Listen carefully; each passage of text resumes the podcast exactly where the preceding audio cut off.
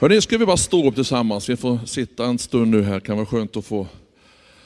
Och så ska vi be en bön. Vi ber om att Guds ord som är levande ska få, få tala in i vårt liv. Det är därför vi är här den här söndagen, att få lovsjunga Gud, att få se varandra, men också få känna Guds närvaro och få höra Guds ord. Fader, vi tackar dig för att du är en god Gud som älskar oss, Herre. Tackar dig för att du är här den här dagen också, genom din helige Ande. Tack att vi får lovsjunga dig, vi får sträcka ut våra hjärtan och bekänna dig Jesus Kristus. Herre, jag tackar dig för att du känner oss utan och innan till. Du vet hur vi har det, du vet vad vi bär på.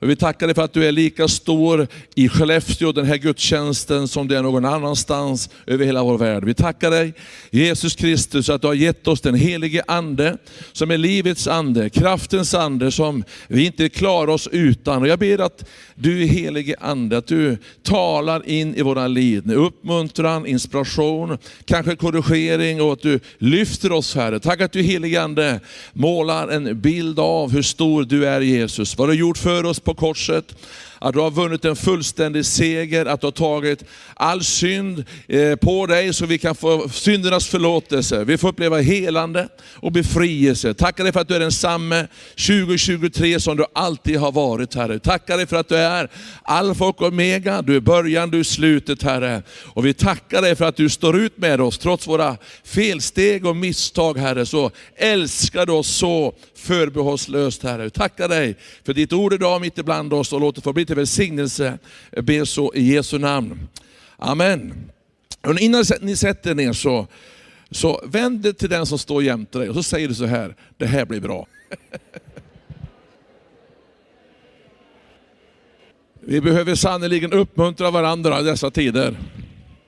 Sen får du sitta ner om du känner för det. Vi behöver sannerligen uppmuntra varandra i dessa tider. Då. jag tycker att när man hör på, på, på radio och tv och man hör så är det bara liksom inflation och höga elpriser och allt det här. Men eh, tänk att mitt i allt det här så får vi känna att Gud har kontroll. Det är mycket vi skulle kunna oroa oss för, men, men, eh, men vi har satt vår förhoppning mot, till att Gud han har full kontroll. Eh, det har varit roligt att vara i Skellefteå den här helgen. Och har du inte varit med tidigare här på fredag kväll och igår klockan 15 och eh, igår kväll så, så upplever i varje fall jag, jag vet inte om ni som var med tycker att, men jag tycker att Guds ande rörde sig starkt. Vi kände Guds kärlek och eh, upplever också att, eh, att Gud talar både genom Guds ord, hans eget ord, men också genom den helige Ande. Och många människor har sökt i förbön och och profetiska tilltal. och eh, Eh, jag tror att Gud han är lika stor och mäktig i Skellefteå som han är någon annanstans. Bara det vet du, skulle få oss att jubla och hoppa jämfota. För vi lever i märkliga tider och vi skulle kunna hålla på hela dagen här och undervisa om, och, eh, naturligtvis. Och, och, men nu har vi en begränsad tid. Nej, men vi har haft långa möten här på fredag, lördag kväll och vi ska inte dra ut på tiden i onödan. Men eh, ni vet att när Guds ande kommer så, eh, så har vi lärt oss det att vi kan inte styra den helige ande. Vi är ju fria. Du kom hit frivilligt hoppas jag. Och eh, det är någonting som Gud har gett oss, är ju den fria viljan. Eh, och det är vi så tacksamma för att vi får ha den viljan kvar. Men, eh, eh, men när vi bestämmer oss för att gå till Guds hus så tror jag det är så att vi gör det Därför att vi har ett behov. Vi känner en samhörighet med varandra, men vi känner också samhörighet med att få, få prisa Gud och ära honom. Och I morse när jag vaknade, så faktiskt det första jag tänkte på, vet du vad det var? Det var att tänk vilken, vilken förmån det är att få predika Guds ord. En gång till. Och att få känna det här att eh, Gud är densamme. Och att vi i Sverige är en, en liten del bara av allt det Gud gör över hela vår värld. Och när vi hör eh, Kitte här berätta om, om, om Kongo, liksom, att det är ju ett stort land i Afrika, men tänk så många länder just nu där så många miljontals människor firar gudstjänst. Ja? Och, och, Sverige är, vi är 10 miljoner i Sverige, det är ju knappt en storstad i andra länder. Ja. Så får vi känna att vi är en del av ett större sammanhang och vi får tillsammans koppla upp oss mot tronen. Därför att vi har ju talat väldigt mycket om de här två dagarna om, om den helige Ande. om att den helige Ande är en hjälpare, att den helige Ande är en person. Att det, vi talat om Guds kraft och att, att allt det Gud står för, det vill ju han att kyrkan ska administrera och, och stå för. Och att det är kört utan den helige Ande. Vi, har, vi kan komma långt med inspiration och entusiasm, men eh, den helige Ande bryter barriärer. Och igår så talade vi om att, att eh, när vi gör rum för den helige Ande och, och våga möblera om i våra liv, våga liksom ta en risk. Det är då först som Gud kommer och öppna dörrar och han säger, vad kan jag göra för dig nu? Nu har du visat mig din generositet och så öppnar han nya dörrar. Så hela vårt liv, liv handlar om, du som har en tro, att, att vara en risktagare. Vi lever av tro. Och eh, när man läser Gamla Testamentet så läser vi om dessa hjältar och hjältinnor som, som levde av tro. Och i Hebreerbrevet kapitel 11 i Nya Testamentet så det kallas för trons kapitel. Och varje vers det handlar om att börja med i tro, av tro, genom tro. Så det är helt underbart att vi får ha tro. Tron är abstrakt och vi tror på någonting som vi har fått uppleva i våra hjärtan. Amen. Och församlingen här, denna fina församling i Skellefteå, ni har ju allt, allt det bästa framför. Det, det är ju fantastiskt, den här staden den, den blomstrar, vi hör det redan, till och med nere i Värmland så hör vi om vad, vad, vad som håller på att hända i Skellefteå. Här ska det explodera både på det ena och andra sättet. Och vi tror också att Guds kraft ska explodera genom att människor får möta Jesus och får ta del av vem han är. Jag är också glad för att både fredag och, och lördag kväll så tog vi upp insamlingar till vårt arbete, Mission of Hope. Så jag vill bara tacka er redan nu, så inte jag glömmer det, för ni som var med och gav. Och det finns en enkel hemsida som heter missionofhope.nu. Man kan också beställa ett nyhetsbrev, en nyhetsmail på den sidan. Amen. Nu ska vi lyssna till Guds ord. Jag, jag har även den här dagen eh, eh brottats lite med vad jag skulle dela, för jag har så mycket i mig. Jag sa igår att jag var kölapp i huvudet på mig. Och jag sa att jag skulle, jag skulle vilja vara kvar en hel vecka tror jag. Men det gäller att sortera och eh, försöka vara ledd av den helige Ande naturligtvis. Men jag har landat i och, och känt att jag vill tala, och skulle det vara en överskrift så skulle det vara att våga tro. Att våga tro. Vi lever i en märklig tid då, då det är väldigt mycket ångest, oro, bekymmer och vi skulle kunna göra en lång lista, både personligt vad vi upplever och eh, vi som kyrka vad vi står inför. Och eh, den kristna tron är ju också attackerad på olika sätt, även i Sverige. Och eh, vi vet att vi har systrar och bröder i andra länder som, som sitter fängslade. Jag har själv vänner som sitter fängslade just nu. Bara för att man har gjort en enda sak och det är att man har predikat om Jesus. Mitt i allt det som sker nu så upplever jag i mitt hjärta i, i, att anden säger att det är dags att våga tro att resas upp i ödmjukhet och i ett förkrossat hjärta, men också med en tro på att Guds ord är sant. Att våga predika evangelium eh, så människor får en chans att bli frälsta. För att människor längtar efter att få möta Gud. Men de, de, eh, ibland så vet de inte ens vad de längtar efter.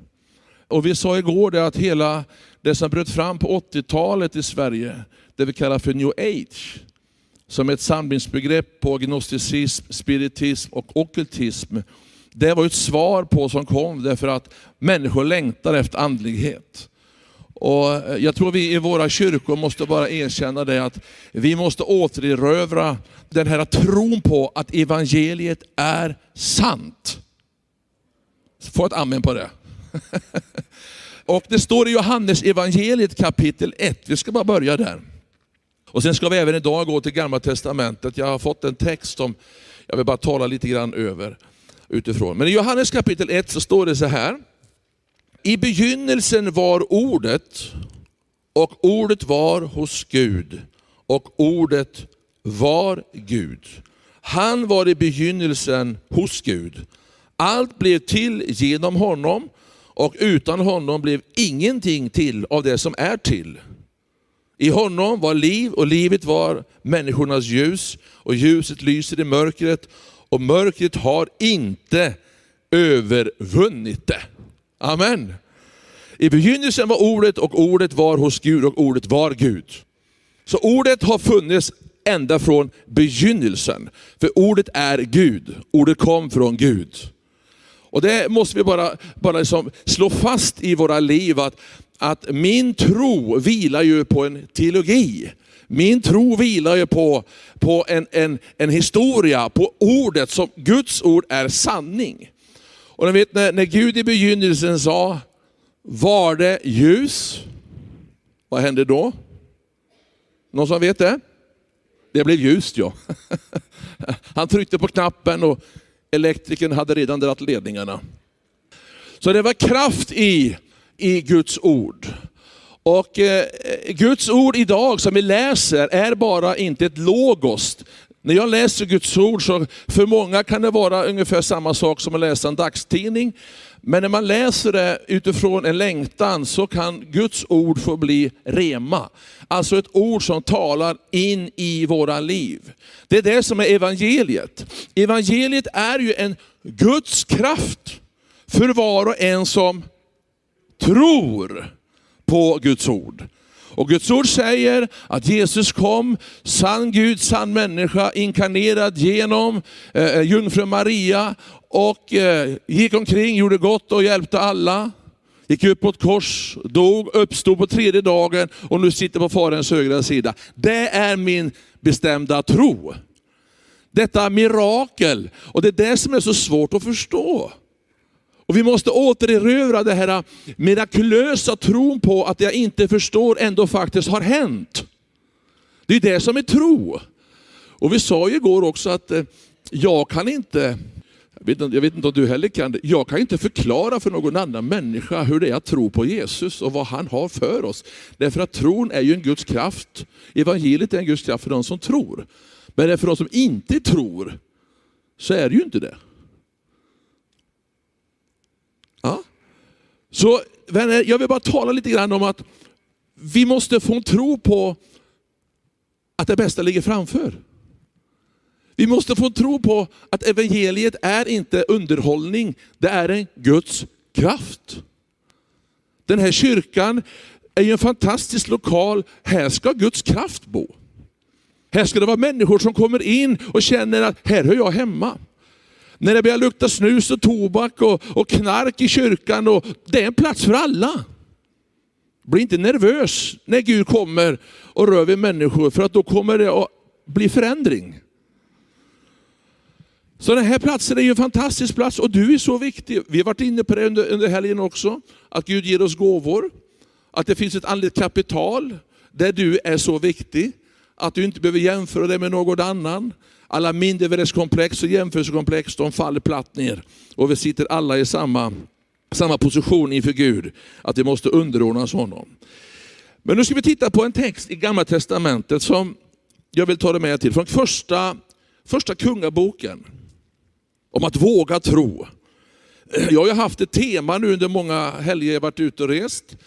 Eh, och det har varit hopp och tro till Sverige. Och jag vill verkligen att du ska få tro idag, att trons ande ska komma över dig. Och du ska få tro för att alla de gånger vi samlas i kyrkan så är allting möjligt för den som tror. Ja, det behöver inte se så jätte... Det är faktiskt sant. Alltså vi sa igår här, igår var det inte, nu är det söndagsgudstjänst och då, då tror man att nu skulle det vara lite annorlunda än ett kvällsmöte. Vet, I min värld så är det alltid möte. Mer, mer dans, mer sång, mer liv mer i taket i kyrkan. Mitt i alla svårigheter, mitt i all misär vi har, mitt i alla utmaningar, så kan vi ändå vara glada i Gud. Pingkyrkan skulle egentligen heta Happy Church. Ja. Då står det så här i första kungaboken kapitel 17 vers 8. Då kom Herrens ord till Elia. Elia var ju en profet.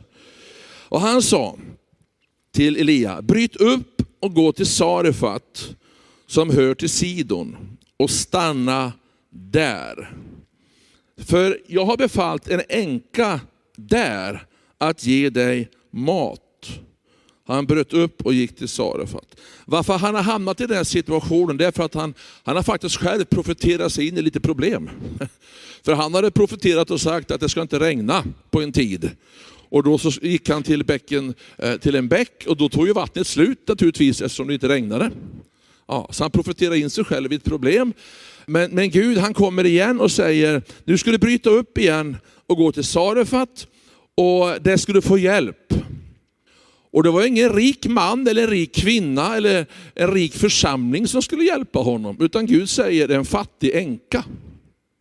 Och det är lite märkligt därför att på den tiden så änkorna de var fattiga, de hade inte mycket. Så jag undrar hur Elia tänker egentligen. Han tänker att Gud, du har varit med mig, du har talat till mig och nu, så, nu ska jag gå till Sarefat och där ska en änka hjälpa mig. Han ska, hon ska ge mig mat. Och när han kommer till stadsporten så får han se en änka som samlade ved. Så han ser bönesvaret, han förstår att det här är kvinnan som Gud har talat till mig om. Och så ser han denna fattiga, enkla kvinna går omkring och plockar ved. Och eh, då säger han någonting som är lite märkligt. Har du tänkt på det? Att, att, jag vet inte hur du tänker, men när jag var ung och läste de här verserna för första gången, då var jag lite irriterad faktiskt. För han ropar på henne och säger att eh, eh gå och hämta lite vatten. Hur tänker du om det? Vet du vad jag tänker? Hämta det själv. Jag menar, ska, varför ska du be henne? Va? Du är en gudsman. Se till att hämta mat. Jag är uppvuxen så, att skulle jag få någonting gjort, alltså det var ingen som hjälpte mig.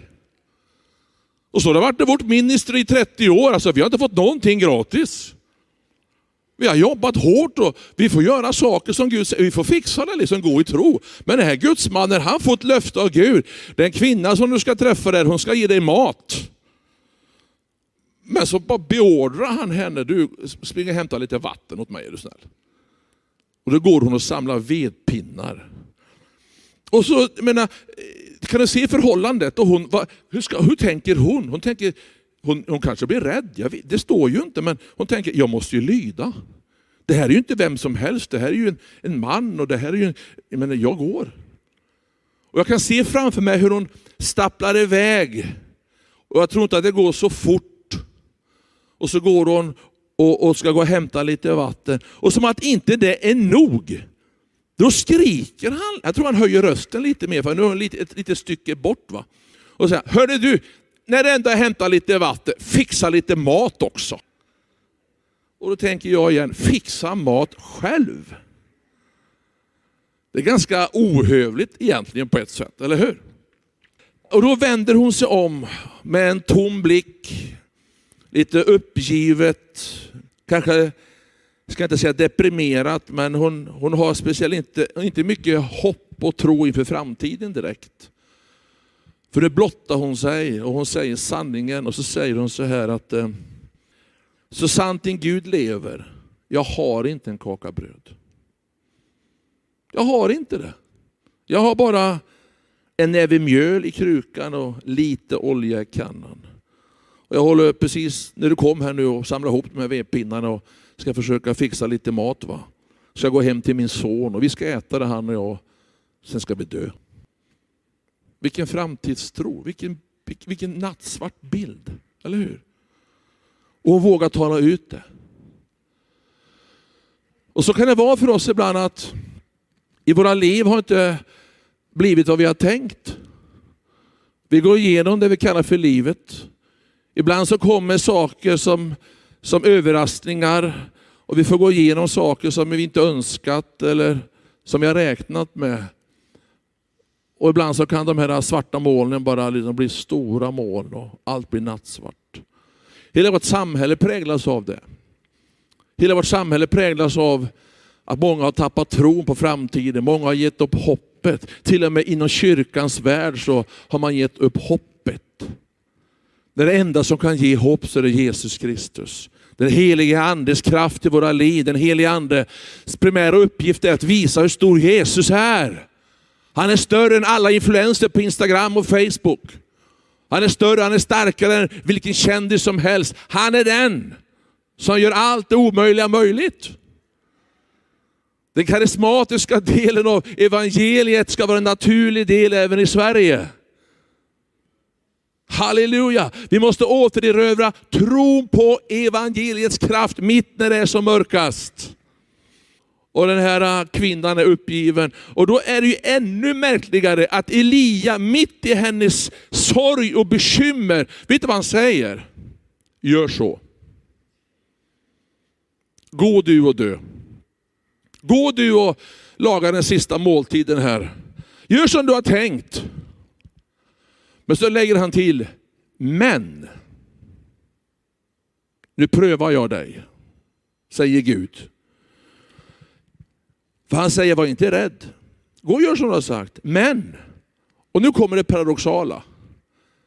Han säger någonting som är provokativt, någonting som bryter alla mönster. När det är som mörkast, när det är som svårast, när alla resurser har runnit ut och man ser ingen framtidstro, så kommer gudsmannen och säger till den här kvinnan, innan du tänker att göra det du har planerat, så laga först eh, till en liten kaka åt mig och bär ut den till mig.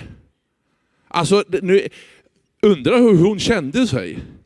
Hon kanske tänkte, men förstår han ingenting? Ser inte han hur jag har det?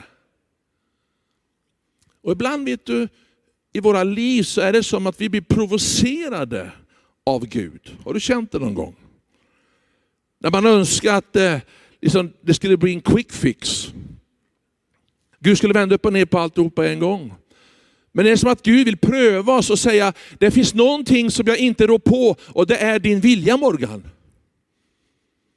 Du får leva ditt liv precis som du vill. Och när det är som nattsvart och mest, och mest mörker i ditt liv, så gör det du har tänkt. Men innan du gör det, pröva mig. Våga tro på ordet. Och då säger gudsmannen, laga till detta åt mig, till dig och din son. För så säger Herren. Och så profeterar han. Israels Gud säger så här. Mjölet i krukan ska inte ta slut och olja ska inte fattas i kannan fram till den dag då Herren låter det regna på jorden. Han profeterar. På samma sätt säger Gud genom sin ande idag rakt in i våra liv. Innan ni säger att det är kört, Innan ni säger att oron har etablerats permanent, innan ni tror liksom att det är helt nattsvart och inte finns någon framtid, pröva mig. Investera er vilja och er tro in i Guds ord. För när vi har tro på Guds ord, då kommer en tro av Guds ord. Så den som tror och läser och söker Gud och ivrar mitt i bedrövelsen, mitt i ett brustet hjärta, han kommer att få kraft att förstå, det finns en som bär, det finns en som har lösningen. Och då kanske du säger så här, ja men jag har prövat det där Morgan, du vet inte hur jag har det. Nej, jag vet inte hur du har det, men det finns en som vet. Och vet du, han sviker inte. Djävulen han är inte död, men han är besegrad. Och han sa redan i begynnelsen, det första han sa till människan det var, skulle Gud ha sagt. Så han ifrågasätter Gud själv, för ordet var ju Gud. Det är samma sak idag.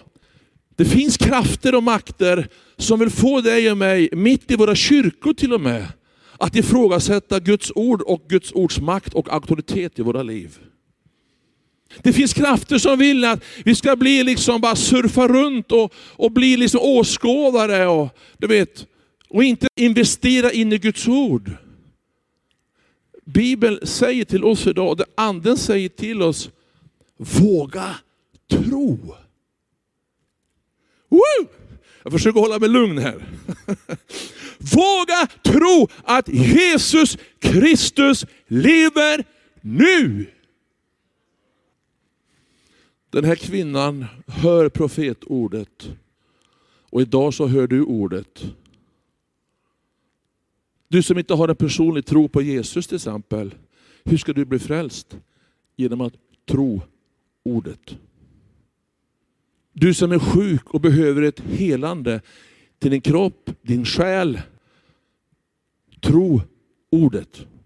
Investera in i ordet. Våga tro. Kliv över tröskeln och våga kasta dig i hans armar och säga Herre, jag tror på dig. Jag investerar min vilja, min tid, min kraft in i ditt ord. Jag vill, vill vara med och se det som det du står för. I Skellefteå så finns det ett samhälle, finns en stad som väntar på att människor ska våga tro, som ska bli deras bönesvar. Men om inte vi som går i kyrkan och bekänner oss vara kristna, om inte vi lever i den tron och etableras i den tron, då blir kyrkan svag och kraftlös. Då kan det i värsta fall bli ett historiemärke och en remissinstans till andra sammanhang. När Gud har sagt, allt det jag står för, det vill jag att kyrkan ska stå för. Och så söker han efter dem idag som säger så här, mitt i mitt mörker, mitt i förtvivlan, så hör jag din röst idag och jag väljer att våga tro på dig mer än något annat. Den här kvinnan, det står att hon gick och gjorde som Elia hade sagt. Och jag är inte så säker på att hon faktiskt visste vad hon gjorde, men vad hade hon för val? Valet var att hon skulle dö. Men nu kom profetordet. Och vi har sagt någon, tidigare någon kväll här, tror jag, att lyssna nu, det enda som Gud kan bekänna sig till, det är sitt eget ord. Och om vi vill ha och leva i det som ordet talar om, apostlagärningarna du vet, va? mirakelboken och allt det som, som vi läser om i Nya Testamentet, den första kristna kyrkan, det är måttstocken för mig. Om vi ska få uppleva allt det där och komma in i det allt mer i Sverige också, då förstår ju vi att vi måste investera i det som kommer att ge det. Och det är nämligen hans eget ord. När någon säger det är omöjligt, då säger du det är möjligt. Varför då? Inte min egen kraft. Men när jag abdikerar och säger Herre, jag, har, jag är kraftlös, jag är maktlös. Men det får bli din plattform i mitt liv och jag investerar och jag väljer att våga tro på det som e- evangeliet säger. Även om det är attackerat 2023. Även om jag ska få uppleva förföljelse och lite spe och lite, lite glåpord, så väljer jag att tro på vad du säger. Halleluja. Därför att när jag kliver över den där tröskeln och vågar bli en risktagare, då ser Gud det. Och då har han lovat att om ni är närmare mig och ni är i mig, så ska jag lova att jag alltid ska vara med er. Så den platsen som är riskfritt, det är att vara i honom. Inte vara i skuggan av honom, men i honom. Och då har vi alla ett val att göra. Kvinnan här, hon väljer och hon gör som gudsmannen säger. Och vad händer då? Multiplikation. Det öppnas nya dörrar. Och hon vågade gå in i någonting hon inte visste vad det skulle bli. Men när hon gjorde det, för att hon vågade tro, så skedde miraklet. Halleluja! Den helige ande har verkat både fredag och lördag kväll här. För mig är det en självklarhet att anden får verka. Att anden får utrymme. Och andens primära, och viktigaste, första uppgift är att måla en bild av hur stor Jesus är. Och så ser vi på Jesus, han som är korsfäst och uppstånden, så förstår jag att när jag investerar min tro in i honom, så kommer det öppna dörrar. Våga lita på Guds ord. Våga aktivera din förtröstan. Hur gör du det? Ja, det vet du bara bäst själv. Du måste själv vilja.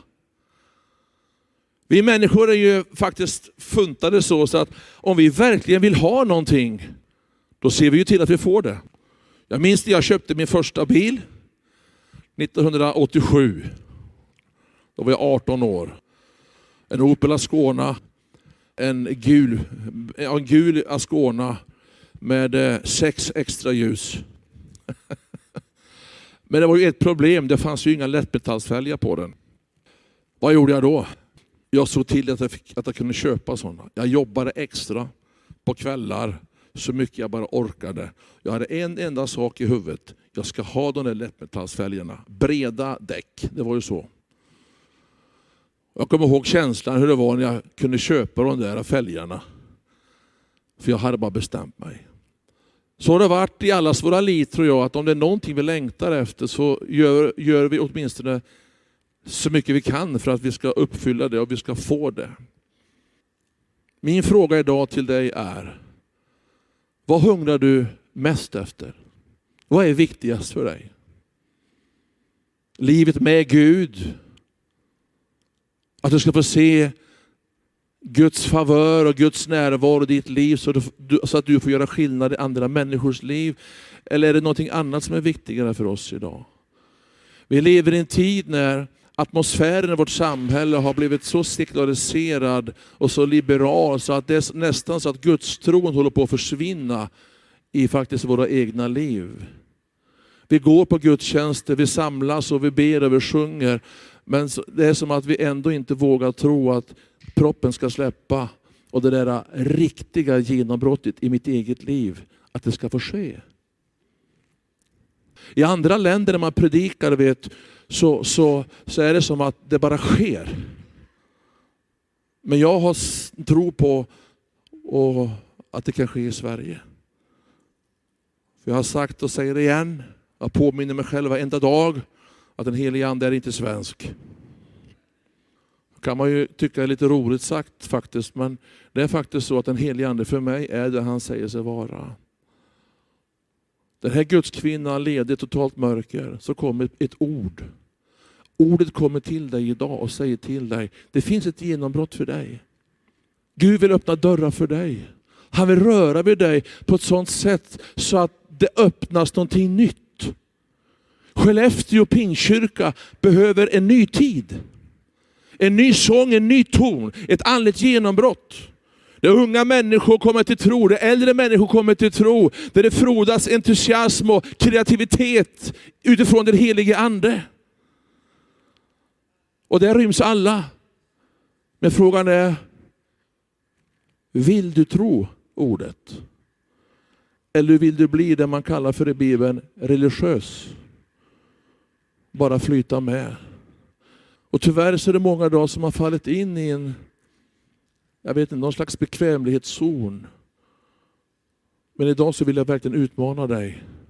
Vågar du tro på evangeliet? Vågar du tro på att det som står verkligen är sant? För om det, om det nu är så, lyssna nu, om det nu är så att Petrus gick på vattnet, om det var tron på Jesus, om det nu är så att det var tron på Jesus som gjorde att Petrus gick på vattnet, om det nu var så, då vill jag ha den tron. Ja, men han sjönk ju. Mm, det är typiskt svenskt. Men han gick faktiskt på vattnet. Jag vet inte hur många år jag reste runt och såg tavlor i kyrkor och ibland den här bilden på när Petrus sjunker, det är sjögräs i munnen och överallt och Jesus står med en hand och, och det är underbart. Och så kommer jag till Oslo Kristna Center år 2000. Ja, skulle vara med där på en ledardag. Kommer in i Oslo Kristna Center utanför Oslo och jättetavla. och så ser man hur Petrus går på vattnet och tänkte, tänk att jag måste åka till Norge för att se det. Vad jag vill säga, det finns en tro som övergår mitt förstånd. Vem kan förklara mirakler? Vem kan förklara det? När jag tror om det jag inte kan greppa och när jag vågar tro det och släpper handbromsen och låter Gud göra jobbet och säga, Herre, ta mig. Jag klarar mig ta mig bara. Jag vill sätta all min tillit till dig. Jag tror dig mer än allting annat. Fruktan, oro, ångest försvinner när jag börjar tro på honom. Hans kärlek som är förbehållslös. Det står ju faktiskt att det finns ingen rädsla i Kristi kärlek. Så vi vågar ta det här klivet över och säga, Herre jag vill tro på dig. Jag har inte sett miraklet än, jag har inte sett genombrottet än. Men jag vägrar tro att det finns något annat som skulle vara bättre än att investera in i evangeliet. Och lyssna nu vänner, jag sa det igår här på seminariet. Är lite allvarlig idag känner jag. Får man vara det? Om det är så att vi tror att evangeliet är världens frälsning. Om vi tror att det här är viktigt. Om vi tror att det är de som har med Gud att göra i bön och bibelläsning. Om vi tror att den relationen är, är liksom livsnerven, det är det som ger mig tro. Det är den som gör att jag får liksom känna det här intimiteten och närheten. Och vi förstår att bönelivet inte är en grej vi gör i kyrkan, utan det är en livsstil. Om vi verkligen tror det, att bön har betydelse och det ger mig någonting och det skapar tro, då måste det ju bli en konsekvens i mitt liv. Genom att både cellgruppen, hemgruppen, de gemensamma bönemötena i kyrkan i Sverige ska inte vara de minst besökta, de ska vara överfyllda. Varför? Därför att det är ett signalvärde. Om vi verkligen tror på att det här är sant och jag vågar sträcka mig i tro, då måste det visa sig. I andra länder så är vi så fascinerade över att ja, Gud är så stor och vi läser missionsbrev och missionstidningar och det är helt otroligt. Ja, men vet du, vet du att bakom allt det där så finns det en tillit och det finns en orubblig tro på som ger sig ut och det visar sig på bönemöten, i, böne, i, i bönekonferenser och en livsstil i familjer och enskilda. Här har vi någonting att göra i Sverige. Och jag tror att den helige Ande vill dra dig och mig nära hans hjärta så vi vågar tro på att evangeliet är sant. Och det räcker till för alla. Halleluja! Halleluja! Jag sa igår, tänk när, när, när beslutsfattare i Skellefteå blir frälsta. Tänk när nyckelpersoner blir frälsta, drabbas av evangeliet och de börjar tro.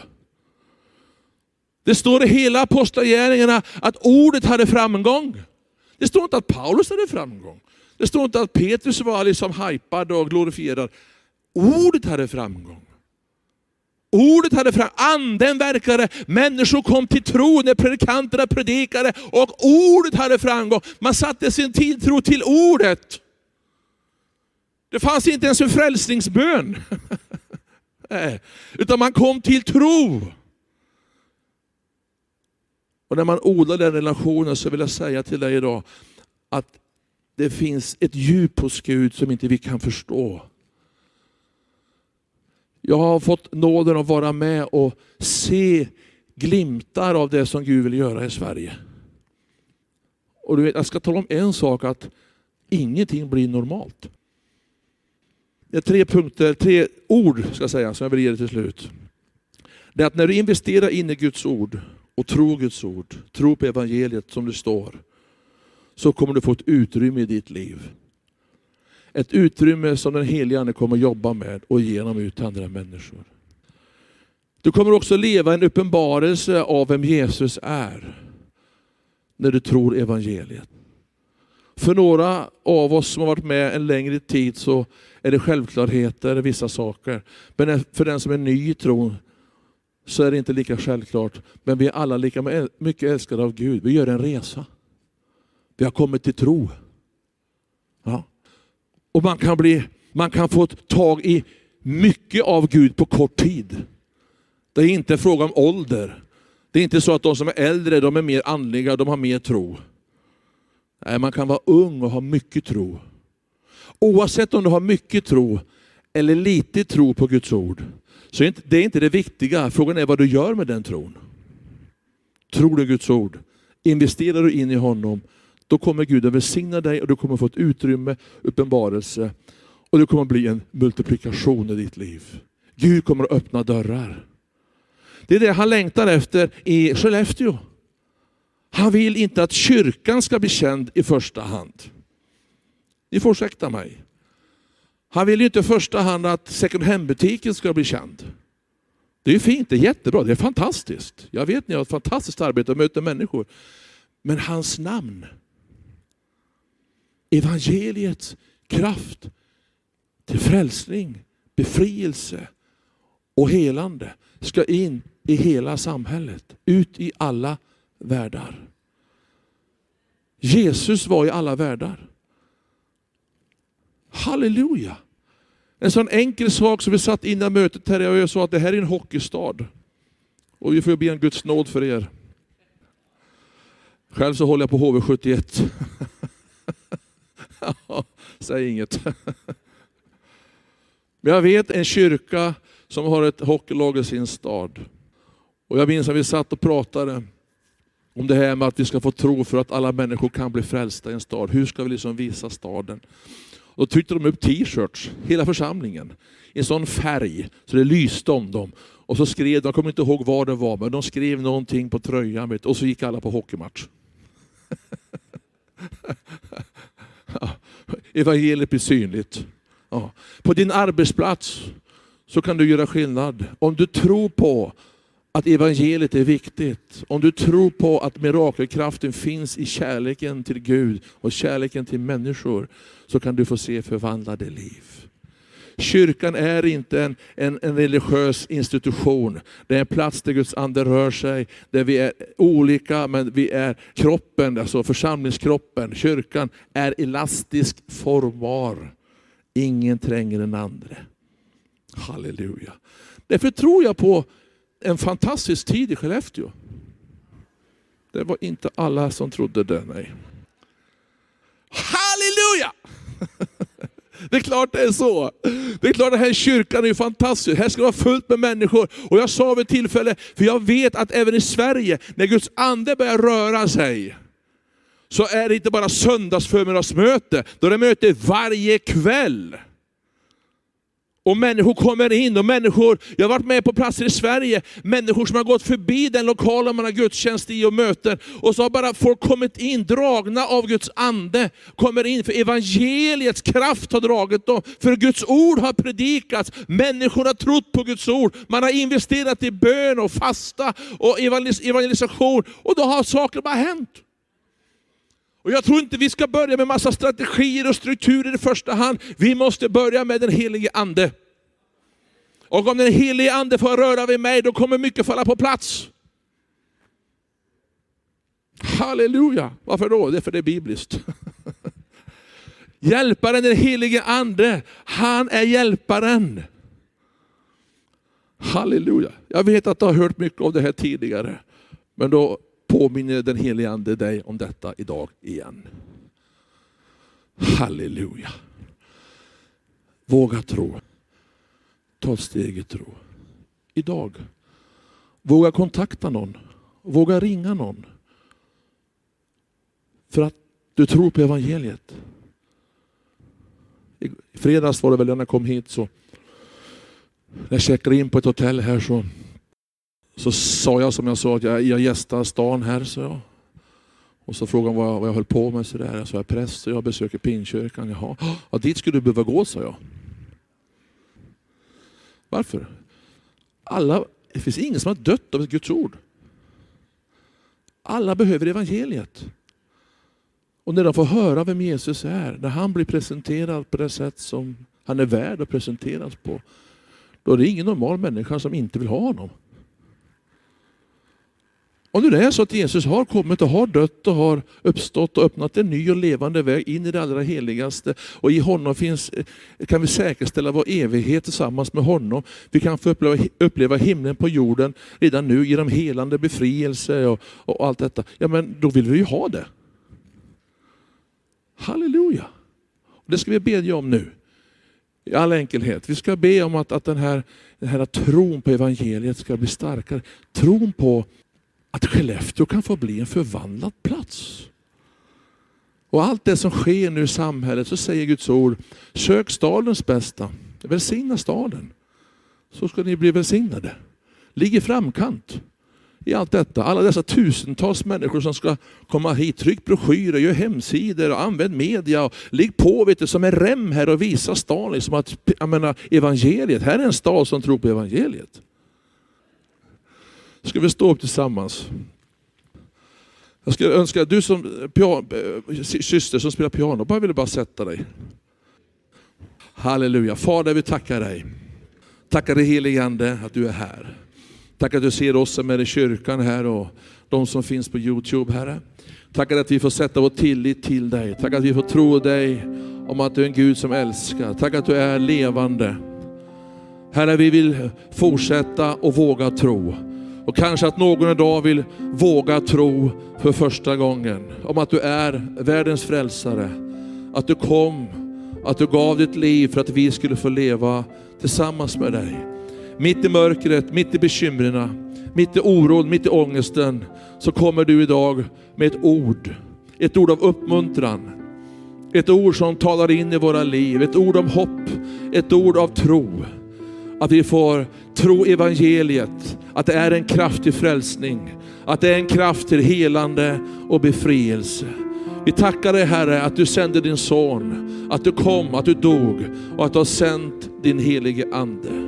Tackar dig helige Ande att du är här just nu denna förmiddag. Och tack att du vill tala in i våra liv. Tack att du vill stadfästa vår tro och du vill göra vår tro stabil här i våra familjer.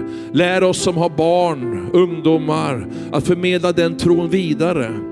Att sätta, investera våra liv, investera våra tankar, vår planering, våra prioriteringar och visa dig Gud att vi, vi tror på dig. Vi vill ge hela vårt liv till dig för att du har gett ditt liv för oss. Vi vill bara mitt i en märklig tid deklarera och proklamera att vi kommer att fortsätta göra det som vi alltid har trott på. Vi kommer att fortsätta att be till dig. Vi kommer att fortsätta att tro dig Gud om mirakler.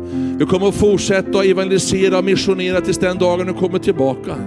Därför vi vägrar böja oss under trycket som vill avsätta tron. Alla attacker som kommer emot oss, Herre, vi står emot och vi håller upp trons sköld. Och vi vill bara erkänna att vi klarar inte det här i vår egen kraft, utan vi behöver så mycket av dig, helige Ande. Så välkommen helige Ande, tala till oss. Tack att du uppmuntrar oss just nu Herre. Du ser de som kanske behöver en särskild hälsning idag, mitt i mörkret, mitt i tristessen och utmaningen. Tack att du kommer med hopp.